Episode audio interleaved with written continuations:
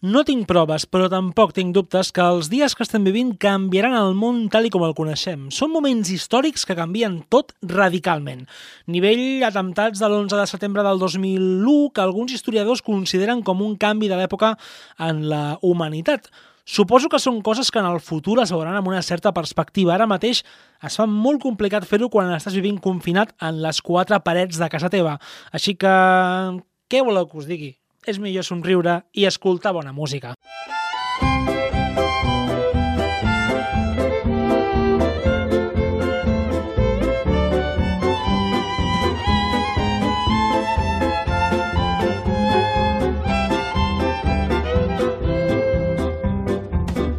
Música recurrent que poso en aquest programa de la saga de videojocs Fallout que pels menys acostumats a aquest tipus de productes d'entreteniment els diré que es tracta d'uns títols que passen en un univers distòpic on el món ha estat absolutament arrasat per les bombes atòmiques. De fet, és un univers paral·lel al nostre on no s'ha inventat, per exemple, el transistor i els cotxes i pràcticament tot, els electrodomèstics, tot, funciona amb energia nuclear. La premissa seria algo així com que la Guerra Fria sale mal, però amb diferents actors, en el cas que ens ocupa, són els Estats Units i la Xina. Us recomano llegir una mica de la història del joc, té un munt de literatura perquè està molt ben muntada i és força entretinguda. Hi ha refugis on on hi viu gent, no? però que aquests refugis formen part d'una empresa que feia servir aquests espais per fer experiments socials una mica de crítica al capitalisme super assassí, eh, boig, eh, totalment desmadrat. Una cosa molt friqui, molt política, però que si no teniu res més a fer, podeu consultar. I ara, si em permeteu, posaré la cinta perquè avui ens n'anem a fora de les fronteres de Tarragona. Comencem!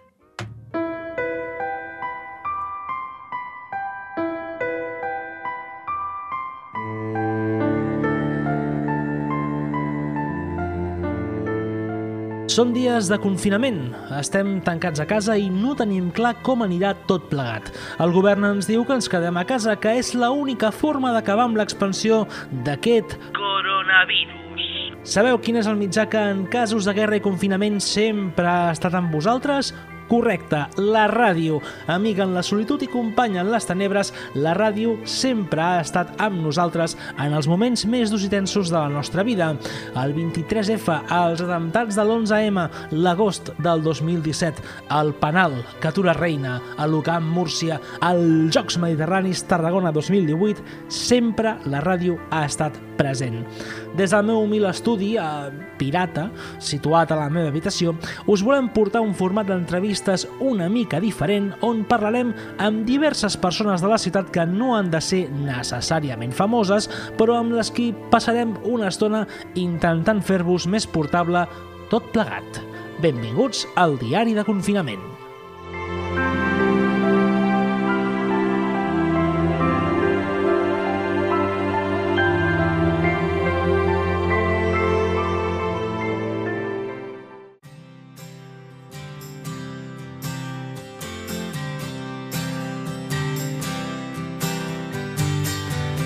Más bonita que ninguna, ponía la peña de pie, con más noches que la luna. Sortim de les fronteres de Tarragona per buscar tarragonins pel món i el primer que fem és viatjar a la capital del reino, a Madrid, Madrid, Madrid, com li vulgueu dir. La ciutat de la qual Josep López assegura que és horrible perquè tothom parla en castellà i els hi agraden els toros. Ana Fernández, benvinguda al diari de confinament. Hola, bona tarda. Escolta'm, quina part de veritat hi ha en aquestes paraules del Josep López? És cert que parlen només en castellà i els agraden els toros? Pues, curiosament sí, només parlen en, en castellà. Lo de que els agraden els toros eh, no ho tinc tan clar. De fet, mm, no he, vist, o sigui, no he anat encara a les ventes, no sé quin ambient es mou per allí, uh -huh. però el que sí que els agrada molt és les, els bars i les seves terrasses, això sí. Buah, doncs ara deuen tenir bastant complicat, no, això dels bars i les terrasses? Sí. Ha sigut un impacte molt gran per ells, això de dir, ostres, és que clar, la, la vida social de Madrid va, va molt així, eh? Vull dir, va molt en el tema de bars, de que et fiquen una tapa, no? També es veia això en el capítol de Plats Bruts. En aquest sentit, creus que ha sigut un trasbals molt heavy en la vida social de la gent? Um, crec que, que sí, que està, està costant molt quedar-se... No està costant molt, però en un primer moment sí que va ser un xoc important, no? perquè crec que tots vam dir, joder, i ara tants dies a casa eh, trasbalsa una mica, no? Però eh, ràpidament també molta gent es va conscienciar com que aquí crec que a Madrid eh, van fer com una immersió total en el coronavirus i va, va arribar més per la porta gran, eh, ràpidament aquí la gent es va conscienciar moltíssim. Mm -hmm. Ara, escolta una cosa, una pregunta. Què fas tu a Madrid? Quant, quant temps fa que vius allí? doncs jo vaig eh, mudar-me a Madrid al setembre de 2018 per, vaig venir a estudiar un màster de guió de cine a la Carlos III uh -huh. i em, em vaig quedar en busca d'un futur laboral. I estaves fent alguna cosa? Estaves treballant fins ara o encara estaves estudiant? Sí, no, um, ara estava treballant en una botiga, um, en un comerç petit, uh -huh. i de moment um, crec que em veuré afectada per un ERTE. Alegria, no? Sí. Una alegria meravellosa. Mm, com ho esteu vivint tot plegat a casa? Perquè suposo que, clar, Madrid és com Barcelona, és una ciutat cara per viure i més per llogar pisos. Potser no tant al nivell de, Barcelona, tot s'ha de dir. Quanta gent esteu a casa? Quants éssers vius viviu al vostre domicili? Um, pues a casa meva vivim jo i la meva parella. Uh -huh. I som dues persones, llavors um, jo crec que tenim la sort de que no vivim a Madrid centre-centre, sinó que vivim a, a Vallecas, molt a prop de l'estadi del Rayo Vallecano, i llavors l'ambient que, que en general hi ha aquí és un, és un ambient com jo crec eh, el que podríem respirar a Tarragona ciutat. És un, uh -huh. un ambient molt de barri, que la gent es coneix entre ella i sí que és veritat que la vida és molt més assequible aquí que al centre de, de Madrid. -huh. M'agrada això de, de Vallecas perquè Vallecas és un barri històricament obrer, és un barri que tu has dit, no? té el Rayo Vallecano, que és un equip amb una afició que treballa molt pel tema de, dels seus veïns, que fan molta, molta col·lectivitat veïnal, Després parlarem d'aquest tema, però ara m'agradaria preguntar-te una... allò que dius, la pregunta tonta del, del dia, eh? Si tu treus ara el cap per la finestra, hi ha gent passejant o el tema aquest del confinament no s'acaba de seguir del tot a rajatabla? Perquè aquí encara hi ha algun que està per allà, eh, sí, no passa nada, no passa nada. eh, en els dilluns, sobretot jo crec que a primera, els primers dies de la setmana, com que la, la gent jo crec que acostuma a fer la, la compra gran més a un dimarts o un dilluns, em, sí que hi ha molta gent que, per exemple, es salta la, la norma d'anar només una, una persona per família a, a comprar i van doncs, fins i tot em, tota la família amb el cotxet de, del bebè inclosos. Però en general sí que respecta bastant i sí que veig gent em, pel carrer, però em, com a mínim van amb un gos o amb una bossa de la compra sota el braç. Allò dissimulant. Potser sí. que va... Hi ha gent que, bueno, hem vist vídeos aquests dies de gent que va bueno, amb, amb gossos de peluix que passaran per allí perquè no els pilli la poli, o sigui que, bueno, al final també el tema de la inventiva ajuda molt a, a superar aquestes coses, tot i que recordem que sortir al carrer no està permès i que, per tant, hauríem de començar a respectar segons quines indicacions. Escolta'm, eh, hem vist imatges també mm, de, a Madrid, a metros plens en les hores puntes. Això ho has pogut comprovar tu mateixa? Eh, no, jo mateixa no. Jo, eh, perquè abans d'aquestes imatges jo ja estava, ja em vaig poder quedar a casa i uh -huh. des de... De fet, estic a casa des de que el, el Pedro Sánchez ja va sortir un divendres, crec que va ser, a, a avisar que... Uh -huh. Sí, fa dues setmanes, doncs. Un dissabte, sí, eh, aplicaria l'estat d'alarma.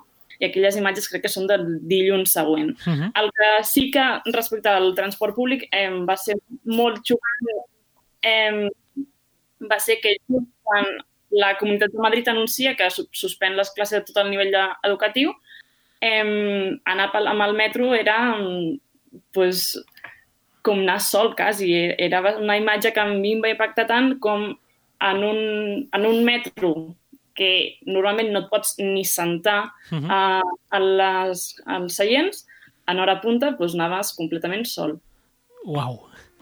realment a Barcelona es veu eh, aquesta imatge típica de Barcelona rebentar els metros també, però clar, Madrid també és, és la capital del reino, com dèiem, i està clar que sempre està a rebentar.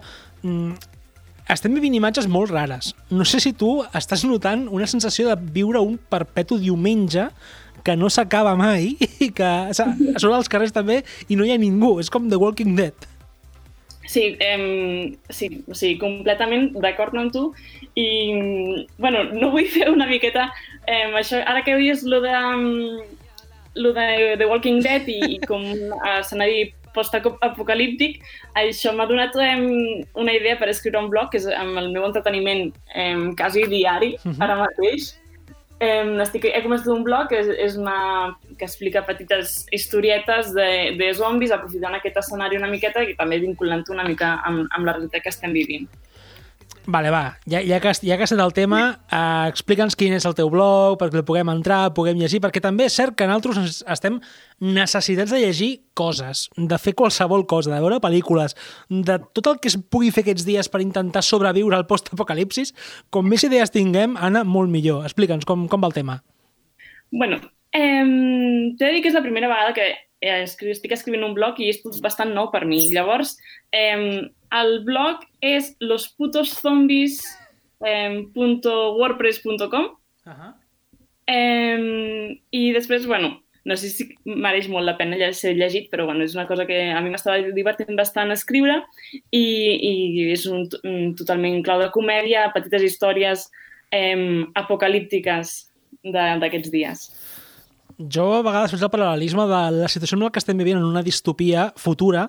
No hi haurà zombis, jo soc molt fan de la saga Fallout de videojocs, que tot pues, és postapocalíptic, postnuclear i tot aquest rotllo, i dic, ostres, potser la, la guia de supervivència zombi, no? O, o a les supervivències postnuclears d'aquest tipus ens poden servir com a literatura de supervivència en un futur. Esperem que no, evidentment, però si passa que ens agafi ja preparats. Um, comentaves aquest tema de, de, dels blogs. Hi ha molta gent, Anna, que s'està posant a fer blogs, a fer podcast, a, a fer vídeos, a gravar-se per Instagram, com fa exercici que em sembla totalment aberrant. Estem vivint una època en què la gent necessita expressar-se perquè estem tancats en quatre cases com, com esteu vivint el fet d'estar tancats en una casa i també si això, no només tu, sinó també la teva parella, els, us ha motivat a, a treure la part creativa de tot plegat. Sí, de fet, bueno, tant ell com jo ens volem dedicar a oficis bastant creatius, ell és músic i jo vull ser guionista, uh -huh. i llavors això fa que pues, ell completament està la gran part de, del temps tocant la guitarra, tocant el piano, eh, pensant coses, també s'està movent molt per xarxes socials, eh, el tema de, dels directos i fer concerts així de mitja hora, i després també pues, eh, tot el rato intentem pues, intentar fer pensar una mica la creativitat i, i no sé, per exemple, hem pensat de, de fer un blog, ai, de fer un, un curtmetratge, no sé com quedarà, però el gravarem per aquí. Un curtmetratge... Per fer una mica, encara que sigui. Ja dir un curtmetratge a casa, eh? Vull dir... Sí, sí, sí. Allò, total, dogma total, eh? sí. Anna, um, parlaves abans dels supermercats, eh, de gent que anava al supermercat i que, vaja, compra mm, en família, a muerte... No sé si aquests dies has trobat a faltar algun producte que dius, merda, m'he quedat sense, he d'anar a comprar-los sí o sí. I no em refereixo, evidentment, al paper de vàter. doncs l'única cosa que quan he anat al supermercat no, no he trobat, i era una cosa que necessitava perquè, no sé per què aquests dies entren les venes culinàries i me vaig voler ficar fer un coc, eh, no he trobat eh, xocolata per fondre. I la, la del supermercat completament em va dir, bueno, que creo que todo el mundo està pensando en hacer bizcochos ahora. Sí, i no només bizcochos, sinó també pa. No hi ha llevat en lloc. Si tu busques llevat per fer pizza o, o qualsevol cosa d'aquestes, molt bona sort, no ho trobaràs i a mi, això que sóc un pizzero de mena, doncs em fa falta. I tampoc ara comença a faltar una mica de farina, fins i tot. No. Per tant, no, no sé, la gent li, li ha agafat la vena cuinera i es queda a casa. Sí. Clar, és que estàs tancat a casa, què has de fer, no? Ja, encara haurem d'anar a recórrer a la farina d'espelta o alguna cosa així, no? No, no, mare, tampoc es passem, eh? Vull dir, la, la farina... clar, si, si ens posem així, clar, hi ha farina de tot tipus, però jo sóc un casero, que és un, un casolà tota la vida. Farina normal, de blat, de, per poder fer això, pues, no sé, madrenes, o pizzas, o pa, o aquestes coses. La gent s'avorreix sí. molt a casa últimament. Escolta, ah, el, el barri on vius, comentàvem el tema de que és Vallecas, i Vallecas és un barri doncs, sempre, històricament, ha sigut eh, actiu, obrer, solidari... Com es viu aquesta solidaritat veïnal? Perquè aquí sí que tenim alguna coseta a Tarragona, però potser on arribem més és el tema de tocar la trompeta al, al balcó tocant l'emparito. Com està vivint això Vallecas? Eh, bueno, sí, a les portes de, dels dos súpers que he anat, que són dos súpers que tinc molt a prop de casa, eh, sí que hi ha un cartell així amb fet totalment casolà de suport veïnal on es donen em, telèfons em, per parlar per WhatsApp i bueno, dirigit a persones de, que estan en el grup de risc del coronavirus i després a, pers a persones grans eh, que ofre ofereixen aquest servei totalment gratuït. Eh, després també els supermercats sí que a l'hora de fer la cua al carrer Eh, per entrar, eh, sí que estan prioritzant, per exemple, l'entrada de persones grans perquè estiguin el, men menor Mhm. temps possible. Cuidado, cuidado, que això és un perill, eh? Vull dir, la gent gran tontes no són, que entraran allí com els han arrasat tot. I, I després el que... Bueno, potser és ja imaginació meva, eh? però crec que fins i tot el, el tros del meu carrer eh, els veïns ens estem organitzant per ficar en franges horàries i com a les 5 eh, aquest veí pot ficar la música, no? I cuidado aquí, Radio Vallecas, eh? Totalment, totalment. Està sent guai i lamentablement hi ha tots els estils, estan tots els estils, els estils permesos, però Mhm. eh, l'altre dia va tocar Manolo Escobar. Bueno, bueno l'altre dia entrevistàvem a, a un noi de Bonavista, el, a l'Ivan Castro, que ens comentava que els seus veïns ficaven reggaeton 24-7. Per tant, dintre del que cap, mm, bueno, però reggaeton del dolent, eh? De, del dolent, rotllo un... anys 2000 mal, saps? Pues està vivint amb, amb això. Bueno, Manolo Escobar, pues, bueno, també és una miqueta així com a regulero, però bueno, no passa res. Al final és, és música igual. Mm, Anna, estàs preparada per fer un trivial postapocalíptic? Ai, bueno, doncs sí.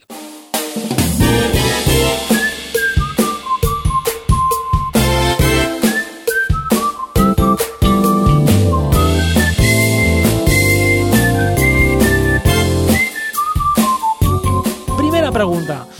Al món n'ha anat a la merda, resta una part molt petita de la població mundial, sempre dic el mateix, un 10% de la població mundial, i entre els supervivents, per sort, estàs tu. Quina d'aquestes tres tapes hauria de ser la última en extingir-se? A. Les patates braves, evidentment, amb salsa brava de Madrid, sense tomàquet. B. Les croquetes de pernil. O C. Els xipirons, que a Madrid estan molt bons perquè és on es menja el millor peix i marisc de l'univers. Eh, les croquetes de pernil, totalment. pues em sap greu dir-te que no, és la C. Els xipirons que a Madrid estan molt bons perquè, clar, a Merca Madrid arriba el millor marisc del món. Ara, últimament, suposo que és més complicat que arribi marisc pel tema aquest del confinament, total, però vaja, mm, no passa res. Segona pregunta. Les reserves d'aigua embotellada estan absolutament sota límits. Vas notant que la gent comença a anar al supermercat a saquejar litres i litres i litres i litres d'aigua. Què fas? A. Corro al súper a agafar unes 20 garrafes. B. No faig res. Amb cervesa m'apanyo encara que sigui mau. I C. No en compro. L'aigua de la xeta de Madrid està espectacular. Eh, C, no en compro l'aigua de Madrid, està espectacular. Això és cert? Eh, sí, totalment. No és un cert. mite, eh? Perquè sempre escolto "És que l'aigua de la xeta de Madrid està que flipes, està boníssima. Dic que és aigua de la xeta. A veure, comparada amb l'aigua de Tarragona, que, sent honestos, no tenim la millor aigua d'aixeta del món, Mhm. l'aigua de Madrid està molt bé. Però tant, tant, tant com per veure-la sense aigua ni res, o sigui, per... i gluc. Sí, totalment. Ullo. Ullo, ullo, ullo. És que, clar, a mi com a tarragoní això em sorprèn moltíssim perquè sempre he estat acostumat a que ma mare em digui nen, compra aigua de baix, compra aigua de baix, que si no aquí mm, no, no sobreviurem gaire més. Doncs bueno, va, està bé. Potser podries aprofitar, per, ara que s'apropa al, fi del món, agafar ampolles o garrafes d'aigua normal i omplir-les d'aigua de, de Madrid i vendre-les. Claro. Mare bueno, sí, sí. Hem de trobar sempre l'oportunitat de negoci aquí. I d'aquí poc que començarem a patir els estralls de la crisi, doncs encara millor. Tercera pregunta i ja definitiva. Horror! T'has quedat sense paper higiènic. Necessites reserves, però saps que sortir al carrer pot ser molt perillós. Potser hi haurà zombis en un futur. Què fas, Anna? A. No et queda més remei que arriscar-te i anar al Mercadona a veure si amb una mica de sort trobes una mica d'aigua. B. Fer una visita al veí del tercer, que saps que el molt cabron va omplir tres carros de paper i és el moment que col·lectivitzi els seus béns, o C. No res, jo faig servir el bidet perquè l'aigua de Madrid també és molt bona per poder-se aixugar el cul. Eh, doncs torno a optar per la, per la C. És que l'aigua de Madrid és realment bona i un bidet... Que és aigua del Carmo, que l'aigua de Madrid. Eh, sí, i tornem als orígens, el bidet. És hora de reivindicar-lo. Són invents francesos, eh, Anna? A mi no, això de fer cas als francesos no m'acaba de fer molta gràcia, però vaja, jo havia apuntat que era la B, però vale, te la dono per vàlida la C, perquè com que és aigua de Madrid, doncs és el que hem de fer. Anna, eh, sempre que acabem l'entrevista intentem fer-ho amb una mica de mm, ajuda o de grup d'ajuda mútua amb el tema aquest de la cultura i eh, bueno, doncs per, per poder consumir cultura i poder consumir doncs, productes que ens puguin aïllar una miqueta de la realitat. Et vull preguntar per quina pel·lícula recomanaries per aguantar aquests dies? Em, més, que una, bueno, més que un llargmetratge et diré un curtmetratge. Per exemple, jo ara m'estic proposant eh, mirar un curt eh, cada dia, que és una cosa que sempre he volgut fer i, i per una, una cosa o per l'altra no l'he fet mai. Llavors, eh, recomano molt Cerdita, que és el curtmetratge que l'anterior eh, edició dels Goya va guanyar el Goya uh -huh. en Mhm. millor curt. Doncs mira, ets, ets la primera persona que ens diu un curt. Hem tingut pel·lícules, hem tingut sèries, però encara no hem tingut cap curtmetratge. Per cert, que aprofito per fer la falca sempre publicitària, a Disney Plus està rebentada de curts de Disney que són la rehòstia i són genials per qui els vulgui veure. I si no, doncs bueno, doncs hi ha altres opcions. Anna, un llibre. Perdó? Un llibre. Un llibre. Eh, la segona part de Loba Negra, que es diu... No, la segona part de Reina Roja, que es diu Loba Negra, de Juan Gómez Jurado. La meva pregunta és, cal llegir la primera part? Eh, realment sí, està, està molt bé també la primera part i crec que faran d'aquí poc una adaptació al cine. És que és com si dius, eh, et recomano veure El Senyor dels Anells, però comença per les dues torres, vale? si et sembla? Ah, no, no, òbviament, sí. Eh, és la continuïtat de, de la primera part, però com que me l'estic llegint ara i m'està agradant molt, Mhm. només penso en això. Aquí al diari de confinament ens agrada molt la música i sempre posem música a les entrevistes de fons, però també volem parlar amb la gent de música. Quin grup de música o cançó recomanaries per aquests dies? Eh, òbviament, per aquests dies, eh, i aquí fico falca promocionada a tope, recomano el grup de música de, de la meva parella, que també és de Tarragona, és de Sant Pere i Sant Pau, que es diu Madame Christie. Vale, m'agrada el nom. Madame Sí, Crispy. També una versió més, eh, més així, més funky, hi ha un Mhm. grup americà que es diu Wolfpack, Oh, Déu que- meu, sí senyor. Que està increïble. Wolfpack són molt, molt, molt, molt bons, també els recomanem des d'aquí, perquè és funky del bo i és, és que és escoltar-lo i no pots parar de ballar.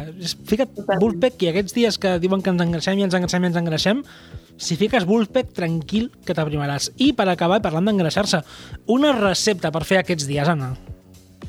Eh, una recepta per fer aquests dies. Eh, espera. Ai... Bueno, això ho tallaràs, no? Ah, o no. Ara, ara t'he cansat d'aquest directe, has de dir una recepta, perquè si no... Mm, mm. Pues fricando, mira, eh, la vull fer d'aquí uns dies, que serà el meu aniversari, i l'hauré de passar aquí a casa, i vull fer fricando, el meu primer fricando. Això és una cosa... Acabes de dir una cosa molt interessant. Passaràs el teu primer aniversari confinada. Eh, sí, Hi ha gent que Sí. l'està passant confinada i que sàpigues que hi ha un repte viral, tu el podràs fer de debò, que és sortir al balcó i dir és el meu aniversari! I la penya et canta l'aniversari feliç, eh? eh, bueno, no sé si serem tan animats al meu carrer, però algú es farà, sí. Bueno, va, doncs esperem que sí. Tenim una pel·lícula, tenim un llibre, tenim un grup de música, de fet, dos grups de música i també una recepta per fer aquests dies, el fricandó, que per cert també és el meu plat preferit. Anna Fernández, a Madrid, que estàs, estàs molt lluny de, de, de casa teva, de Tarragona, en un lloc on segurament la situació és bastant més complicada que aquí i les precaucions s'extremen molt més que no pas aquí. Espero que vagi tot molt bé, que, ens, que tornis algun dia a Tarragona, si pot ser, mm, dintre del concepte de llibertat absoluta, i que vagi molt bé, i merci per estar amb nosaltres al diari de confinament. Moltes gràcies a tu, Arnau.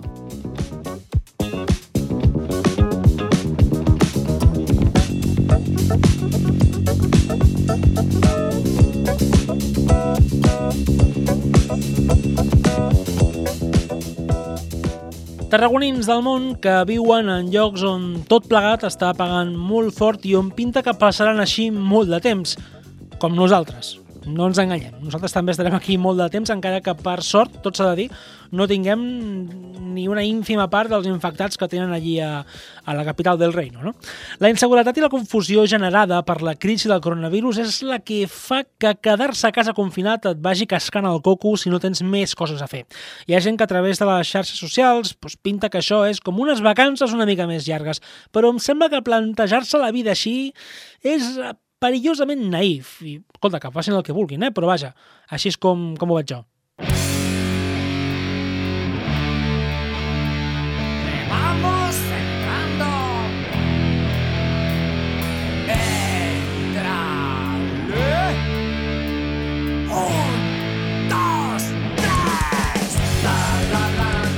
No sé si haureu notat una part, una pàtina de preocupació en les meves paraules. Jo sóc d'aquella gent que està genuïnament preocupada pel futur més immediat.